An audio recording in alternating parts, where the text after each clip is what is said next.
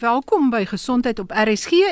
My gas vandag is weer eens professor Tes van der Merwe, baie bekende endokrinoloog verbonde aan Universiteit van Pretoria en ook een van die land se grootste kundiges op die gebied van metabooliese siektes en hoe die liggaam se metabolisme werk. Ons het nou al gesels oor insuliensensitiwiteit. Hulle noem dit nou nie meer insulienweerstandigheid nie. Ook na prediabetes gekyk en vandag kyk ons na diabetes en veral tipe 2 diabetes, maar ons gaan ook raak aan tipe 1 diabetes. Die groot vraag is, hoe weet ons as jy nou gediagnoseer word met tipe 2 diabetes of jy wel tipe 2 diabetes het, want dit wil tog lyk of daar van die dokters is wat kort paaie vat met hierdie diagnose. Professor uh, van der Merwe, kom ons kyk net vinnig na die verskil tussen prediabetes en diabetes. Marie, ek dink ons kan dit eintlik baie eenvoudig maak vir ons luisteraars. Ons gebruik deesdae 'n merker, uh, 'n 3 maande merker. Uh wat ons die hemoglobien A1C noem en as daai waarde is iewers tussen 5.7 en 6.4 kan ons aanvaar dat jy prediabetes is. Vastende bloedsuikers word natuurlik ook nog steeds gebruik. Ehm uh, maar ek dink dit dit is dikwels wisselvallig omdat daar probleme is met pasiënte wat nie die verlangde vastydperk uh altyd volg nie en dan terugkom met uh bloedvlakke wat moontlik lyk asof hulle suiker siekte het, maar nie het nie. So ek dink wêreldwyd is daar nou 'n neiging of 'n tendens heeltemal weg van net vastende bloedsuikers en ons kyk meer na die 3 maande uh merker. So as jy 'n bloedsuiker 'n uh, 'n uh, hemel uh, bloedsuiker het natuurlik uiteraard wat hoog aan 6.9 is met ander woorde 7 dan weet ons nou jy oorgegaan na suiker siekte. Uh enige iets tussen 5 5 en op tot by 6.9 val jou vastende suiker wel in die prediabetiese groep, maar dit is wys dat daar dan ook gekyk na gekyk word na die hemoglobien A1C. En wat is die verskil tussen tipe 1 en tipe 2 diabetes? Maar ek dink veral nou met die vetsige epidemie is daar baie verwarring. Ehm uh, want wat ons altyd klassiek uh, verstaan het as 'n kinder suikersiekte, jou tipe 1 diabetes, uh waar jy letterlik 'n outoimmune uh siekte van die beta-selle het en die beta-selle word vernietig, kry ons nou ook baie jong kinders met tipe 2 diabetes as gevolg van hulle oorgewig. En natuurlik het ons dan in die volwasse populasie meer klassiek jou tipe 2 diabetes en dit is 'n verminderde insuliensensitiwiteit en in daai agtergrond gaan die beta-selle uiteindelik as gevolg van totale oorstimulasie swakker en swakker word en jy kan wel op 'n punt kom waar jy as gevolg van daai situasie insulien benodig en ek vind baie keer dat die pasiënt vir my sê maar my ma was net 'n ouderdoms uh, suikersiekte want sy was nie op insulien nie.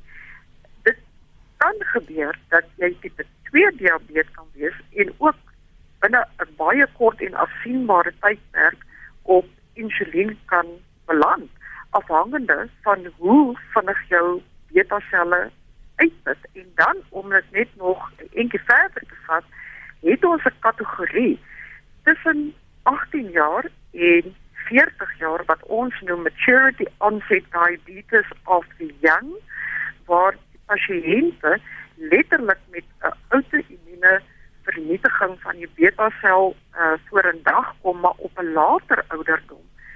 So ja, daar is toetse wat gedoen kan word om te bepaal wat is jou insulienvlak afskeiding deur die beta-sel. Ons noem dit C-peptide level daar kan ook getoets word vir antiliggame teen die uh, beta-selle, maar dit is baie duur toetse en word gewoonlik net in baie gesofistikeerde wetenskaplike laboratoriums uitgevoer. Maar om dit kortliks op te som, tipe 1 diabetes as gevolg van genetiese uh, predisposisie wat vir jou 'n auto-immuniteit gee wat daai sel vernietig. Tipe 2 diabetes maak nie saak of jy 'n jong kind van 9 of tot in jou laat 70 of 80 is nie, is die proses een van 'n verminderde sensitiwiteit teenoor jou insulienvlakke. Goed nou, dan kom ons nou by die toetse. Hoe weet 'n mens nou verseker dat jy tipe 2 diabetes het behalwe as jy nou kyk na die HbA1c uh vlakke wat nou die langtermyn uh, uh vlakke wys van glikose?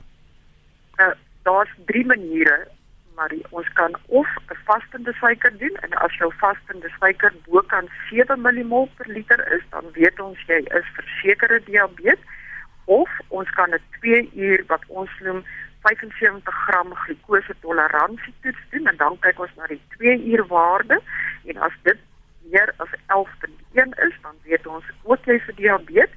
Daar is gevalle waar ons eh, wat ons noem 'n lukrake uh suiker sal doen in 'n pasiënt wat in jou kantoor beland en duidelik het die pasiënt al die tekens van suiker siekte en hulle kom dalk terug met 'n lukrake uh suiker van bokant 11.1 dit klassifiseer jou ook as 'n diabetes. En dan die vierde kategorie is as jou hemoglobien A1C verhoog is bokant 6.5 bokant 6.5 is dit nodig om al hierdie toetse te doen om seker te wees dat jy tipe 2 diabetes het? Of wat is die minimum van hierdie toetse wat gedoen hoef te word?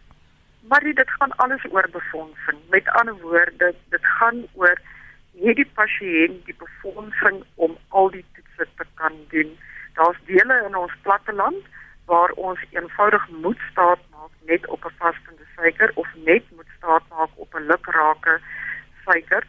Uh so dit dit dit wissel van uh internis na internis en dit sal ook afhang uh van jou jou spesifieke omstandighede waaronder jy getoets word en elke geneesheer moet besluit tot watter mate is dit nodig om die pasiënt te hertoets. Kom ek gee jou 'n voorbeeld, Marie, as jy byvoorbeeld op 'n uh, kursus van steroïde is, dan weet ons dat dit kan wees dat jy miskien prediabetes is, maar as gevolg van die steroïde wat jy nou gekry het, daai kursus steroïde, is jou vastende suiker nou skielik verhoog want dit het jou soos ons noem jou counter regulation uh verhoog en jou insulien uh, sensitiwiteit afgebring en dan sodra die pasiënt dit uh staak dan weet ons dan keer hulle terug na die pre-diabetiese uh groep. So daar pasiënte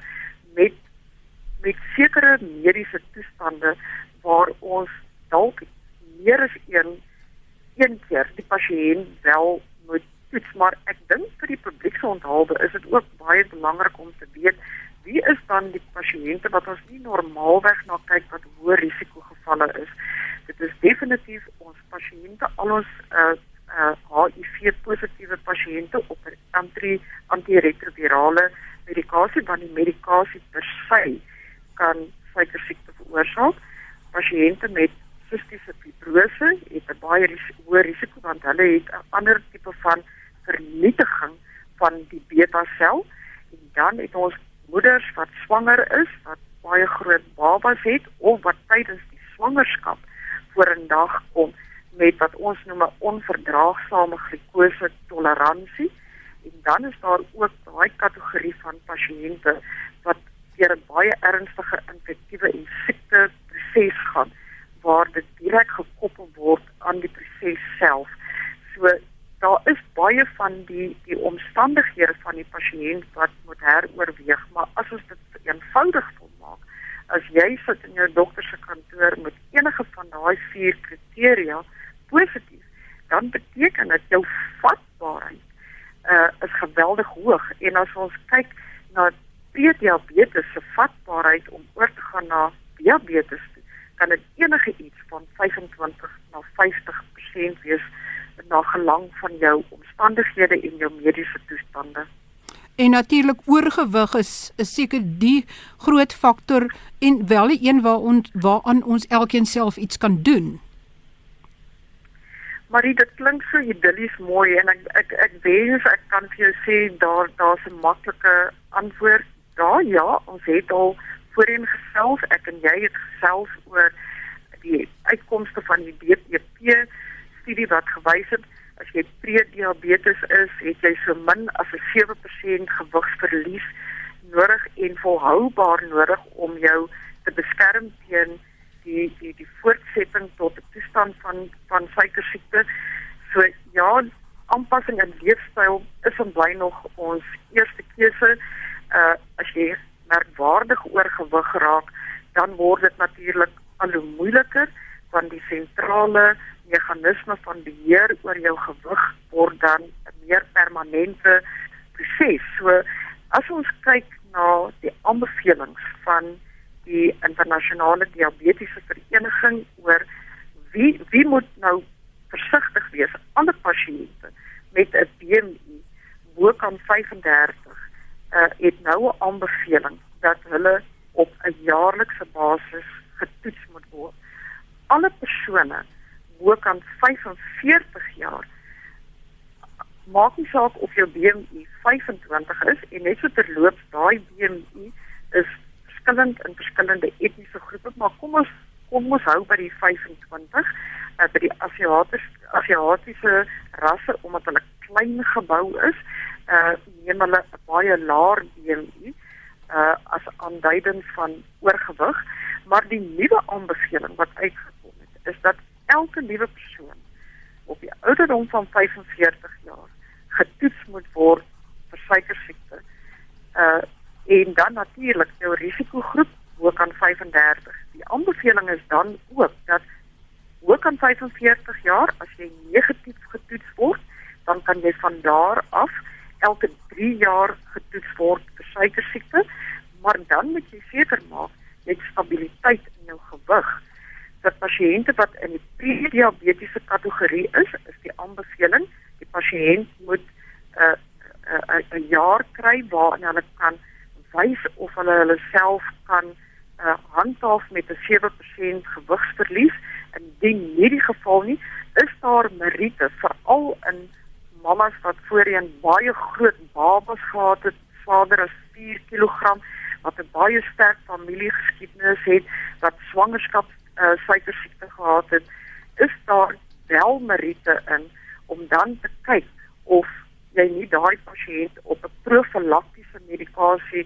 soos metformine moet plaas om hulle uh, te beskerm teen die die die begin van daai uh, suikersiekte. En dan natuurlik wanneer ons begin kyk maar na die supermorbidly obese, ons hulle noem die BMI kategorie 40 en bo word dit 'n uh, ampere uitgemaakte saak dat jy sal moet kyk na ander opsies as jy dit kan bybring soos metabooliese chirurgie.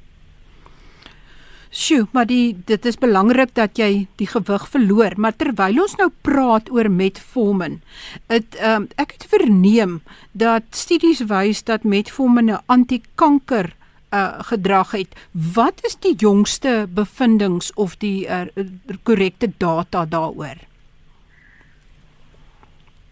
Maar ons het eintlik nog geen uh, langtermyn uitkomste data daaroor nie. Ja, daar is wat ons noem circumstantial evidence uh, wat uitgekom het waar daar in daai spesifieke kontrolestudie uh, nie gekyk is na die antikanker effek van metformine nie maar hulle het dit wel waargeneem dat in die kontrolegroep uh uh, uh in vergelyking met die metformine groep daar wel 'n baie klein afname was in die insidensie van kanker. Nou, hulle het nie in daai studies kontrolefaktore ingewerk soos byvoorbeeld was die gewigsbeheer in al twee groepe dieselfde was genetiese vatbaarheid vir kanker dieselfde in al twee daai groepe. So op hierdie stadium is al wat ons kan sê is is daar was verskil. Dit sal baie versigtig uh uh nagevors moet word langtermyn studies voordat ons 'n aanbeveling kan maak om te sê dat dit was noodwendig as gevolg as gevolg van die metformine want soos jy sal weet Marie en ek en jy het al voorheen gesels hieroor dat vetsug het 'n geweldige hoë assosiasie met kanker en veral die hormonale afhanklike kanker so in vrouens borskanker uh kanker van die uterus van die ovariums is kankers wat geweldige hoë vatbaarheid het of amper tipe van 'n genetiese ontlonting ontlonting kan kry uh in die uh oorgewig pasiënt maar natuurlik ook ons weet dat as jy baie oorgewig is, skei jy 'n tipe estrogen uit die vetweefsel af. En dit is nie noodwendig die tipe van estrogen wat ons in jou bloed wil hê nie. So dit is 'n nadelige vorm van estrogen wat dan wel kan lei tot borskanker ensovoorts. So daar's absoluut geen twyfel dat een van die hoë prioriteite in ons vroulike populasie en ek het weer nou gaan sit en sit en kyk na die statistieke. Uh, maar dit is dis absoluut vrees aan Jan vir hierdie land. Ons het nou ons vroulike bevolking het nou gevorder tot die tweede hoogste insidensie van vetsug in die wêreld. So ons sit werklik met 'n epidemie van astronomiese proporsies. En as jy kyk na wat gebeur in ons jonger kind, ons vroulike puberteit uh uh dame, ons jong dame, sit ons nou met 'n insidensie van 25% vetsigtigheid en die voorspelling is dat teen die jaar 2025 ons kyk na iewers tussen 'n 3 kwart en 'n kwart miljoen tipe 2 diabetes in ons jong kinders, so jong soos 11, 12. Uh so ons kyk na 'n uh, uh, epidemie wat baie ander siektes ook aandring, maar daar's ook al baie keer in die literatuur gewys dat hoe langer jou jou jou rekord is van oorgewig, as jy 'n kind is van 9 jaar wat al oorgewig is teen die tyd wat jy by 35 uitkom, het jou kanse om kanker te kry geweldig verhoog in vergelyking met iemand wat sê maar oorgewig raak na hulle eerste swangerskap. So dit gaan ook oor die duurte van jou oorgewig en en jou obesiteit. En dan natuurlik sit ons met daai kostefaktor wat ons nie weet hoe ons dit gaan beheer in die toekoms as ons nie nou radikale veranderinge kan begin aanbring in ons uh, oor insidensie van oorgewig en vetsigtigheid nie. Ek sal sommer vandag of uh, binne die volgende 2 dae weer die skakel op ons webblad sit nou ons doen dit net oefen en eetplan sodat ons mense kan help om gewig te verloor die wat oorgewig is want dit laat my ook sommer nou weer skrik. 'n uh, uh, Professor, kom ons kyk na wat gebeur in in die beta selle van iemand wat tipe 2 diabetes het. Kan daai beta selle weer herstel? Kan daar met ander woorde totale remissie wees dat jy herstel van tipe 2 diabetes? Ek hou van die feit dat jy maar die woord remissie gebruik want dit is presies wat dit is. Daar is 'n groot uh gros van internasionale endokrinoloë wat baie gekant is teen die stelling om te sê we have cured your diabetes en hulle is heeltemal reg. Dit is dieselfde soos kom ons vergelyk dit weer eens met kanker. Pasiënte wat deur 'n behandelingsproses gaan of hulle verloor gewig of hulle gaan deur metabooliese chirurgie uh of hulle besluit net om baie vroeg in hulle suikersiekte hulle lewenswyse radikaal te verander en hulle kan wel in remissie gaan. Maar ek dink dat die die die oorwegende meerderheid van endokrinoloë en uh die diabetoloog sal saamstem dat ons baie huiwerig is om die term cured te gebruik. Met ander woorde, jy is genees. Jy is in permanente remissie geplaas of jy is in gedeeltelike remissie geplaas. Nou ons bevolking moenie daardeur ontmoedig word nie, want wat is die voordele wat ons daaruit het? As jy jouself in diabetiese remissie kan plaas, dan beteken dit van daai oomblik af begin jy jou jou kanse om 'n makrovaskulêre siekte of 'n mikrovaskulêre siekte te ontwikkel dramaties verminder. Daar daar is 'n uh, 'n uh, bekendheid dat van jou eerste makro en mikrovaskulêre siektes en laat ek dit miskien 'n bietjie meer klassifiseer. Met ander woorde, nou praat ons van hartaanvalle, ehm um, beroertes, uh niersiektes, maar onthou, daar's ook mikrovaskulêre siektes wat op 'n cellulêre vlak plaasvind. So ons weet dat sodra jy uitkom by 'n 'n 'n tydperk van suikersiekte van bokant 10 jaar, jy daai kans om daai vaskulêre siektes hulle self al amper in jou gevestig. En as jy nie op daai stadium remissie van jou suikersiekte kry nie, is die kanse 100%, nie 90% of 70% nie, 100% dat jy wel een van daai siektes sal kry. Maar as ons jou in remissie kan plaas, dan weet ons jy kan basies al daai risikofaktore omkeer, maar dan moet ons in remissie bly.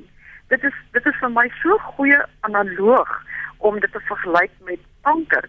As jy in kankerremissie is, kan jy weer 'n uh, 'n uh, 'n uh, kanker hê wat voorskyn kom 2 jaar, 5 jaar of 10 jaar later, want ons moet aanvaar dat ons het skade gekry op die beta sel teen die tyd wat jy jou diagnose van suikersiekte gekry het. So wat is ons boodskap dan uh aan die publiek? Punt nommer 1, moenie paniekerig raak nie.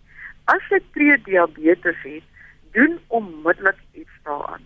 As jy klaar diabetes het, begin vandag af, van vandag af werk maak daarvan om te kyk tot watter mate kan jy jouself in remissie plaas as jy klaar diabetes wat wel daai siektes begin ontwikkel het, makrovaskulêre siektes, mikrovaskulêre siektes, dan het jy verantwoordelikheid om te keer dat dit voortgaan tot blindheid of nieroorplanting en so meer. En dit maak nie saak op watter vlak jy gediagnoseer word nie. Dit moet gaan dit moet gestop word, maak nie saak watter vlak jy dit op het nie. Ja, want dit gaan eintlik oor die komplikasies wat kan ontwikkel as gevolg van tipe 2 of tipe 1 diabetes. Professor van der Merwe net baie kortliks. Ek verstaan die riglyne het verander in terme van oefening en uh die die eet van sê maar proteïene om uh na oefening. Kan jy dalk net vinnig ietsie sê daarvan wat is die jongste bevindinge daaroor? Maar die weer eens ek is so bly jy vra daai vraag van nou aan die een kant moedig ons ons pasiënte aan en ons sê begin net met iets 'n klein bietjie stap uh pilates uh wat ook al vir jou gemaklik is. Uh maar nou moet ons ook kyk na die moontlike konsekwensies daarvan. So ons weet dat in tipe 1 uh diabetes as gevolg van die insulien wat hulle moet spuit kan hulle wat ons noem hipoglikemiese episodes kry. Uh net so terloops na oefening kan jou suiker een van twee roetes volg. Dit kan of dramaties daal en jy kry 'n hipoglikemiese aanval of jy kan presies die teenoorgestelde kry. So jy kan wat ons noem 'n counter regulation kry van die stresorhormone, dit is adrenalien, kortisol en so aan en jy kan 'n hiperglikemiese aanval kry. So ek dink die eerste vertrekpunt wat die pasiënte moet verstaan is is dat jy moet jou bloedsuiker veral as jy op insulien is, moet jy toets net voordat jy gaan oefen en jy moet dit weer toets binne 'n uur tot 2 ure nadat jy geoefen het. En die aanbeveling was altyd dat as ons die versnapperings en net so terloops ons het weg beweeg, die hele wêreld het weg beweeg in tipe 2 diabetes van die versnapperingsmodule. Met ander woorde, ons het in die verlede het ons gesê eet jou 3 maaltye en eet jou 1 of 2 of 3 versnapperings. Die nuwe aanduiding is hou by jou 3 maaltye. Jy het nie die versnapperings nodig nie, maar sou jy straf gaan oefen, oefen en jy moet wel 'n versnappering neem omdat jy klaar jou medikasie geneem het, jy baie versigtig wees om nie 'n proteïen te gaan byvoeg uh by daai versnappering nie want wat ons wel weet is is dat daai proteïen kan die die die die, die beta selle uh, prikkel ten spyte van die feit dat hulle verswak is maar dit doen nie noodwendig iets aan die bloedsuikervlakke nie. So die die aanbeveling in die nuwe internasionale riglyne is gaan heel eers vir jou komplekse koolhidrate as jy vind dat jy 'n bloedsuiker onder 2.8 millimol is wat ons sal beskou as nou raak dit gevaarlik op 2.4 2.2 kan die pasiënt in 'n koma begin gaan en net so verloop wees veral versigtig as jy metformin drink want metformin het 'n baie lang halfleeftyd in party van die produkte en dit kan 'n laktase asidose veroorsaak wat daai proses kan vererger so jy moet buitengewoon versigtig wees as jy 'n gereelde uh, oefenpersoon is maar fokus dan eers op jou komplekse koolhidrate as jy onder 2.8 is moet jy met onmiddellike effek iets soos 'n uh, 'n uh, 'n uh, 'n vrugtesap inneem om daai bloedsuiker op te kry. Moenie te veel doen dat jy 'n uh, overshoot kry. Met ander woorde, jy gaan drink nou soveel of gaan eet nou soveel van daai goed dat jy dan 3 of 4 ure later weer sit met 'n totaal verhoogde glikose en nou begin die hele glikose proses homself weer uitspeel. So die die boodskap is baie meer eenvoudig geword as jy sien jou bloedsuiker het dramaties geval, uh neem jou neem jou toebroodjie uh sonder 'n proteïen op met ander woorde moenie die kaas bysit nie, moenie die gromboontjie bysit en toets na 'n uur weer en kyk wat gebeur. Uh as jy 'n uh, 'n uh, uh, insulien gebruiker is, maak nie saak of jy tipe 1 of 'n tipe 2 diabetes is en jy oefen gereeld maar hier is dit van absolute kardinale belang dat jy iewers in jou yskas 'n glikagon inspuiting inhou. Uh aanhou. Uh dit is so maklik vir enige persoon om dit toe te dien. As hulle sien dat daar is moeilikheid, jy's besig om in 'n koma te gaan, dan dien jy net met onmiddellike effek die glikagon uh uh inspuiting. Dit is ook 'n subkutane inspuiting toe en dit sal dan uh lei dit lei tot 'n tot 'n tydelike herstel van daai bloedsuiker terwyl dit dan die familie kan gee om uh die moensap by jou uit te kry uh of 'n broodjie of iets in in in daai lyn.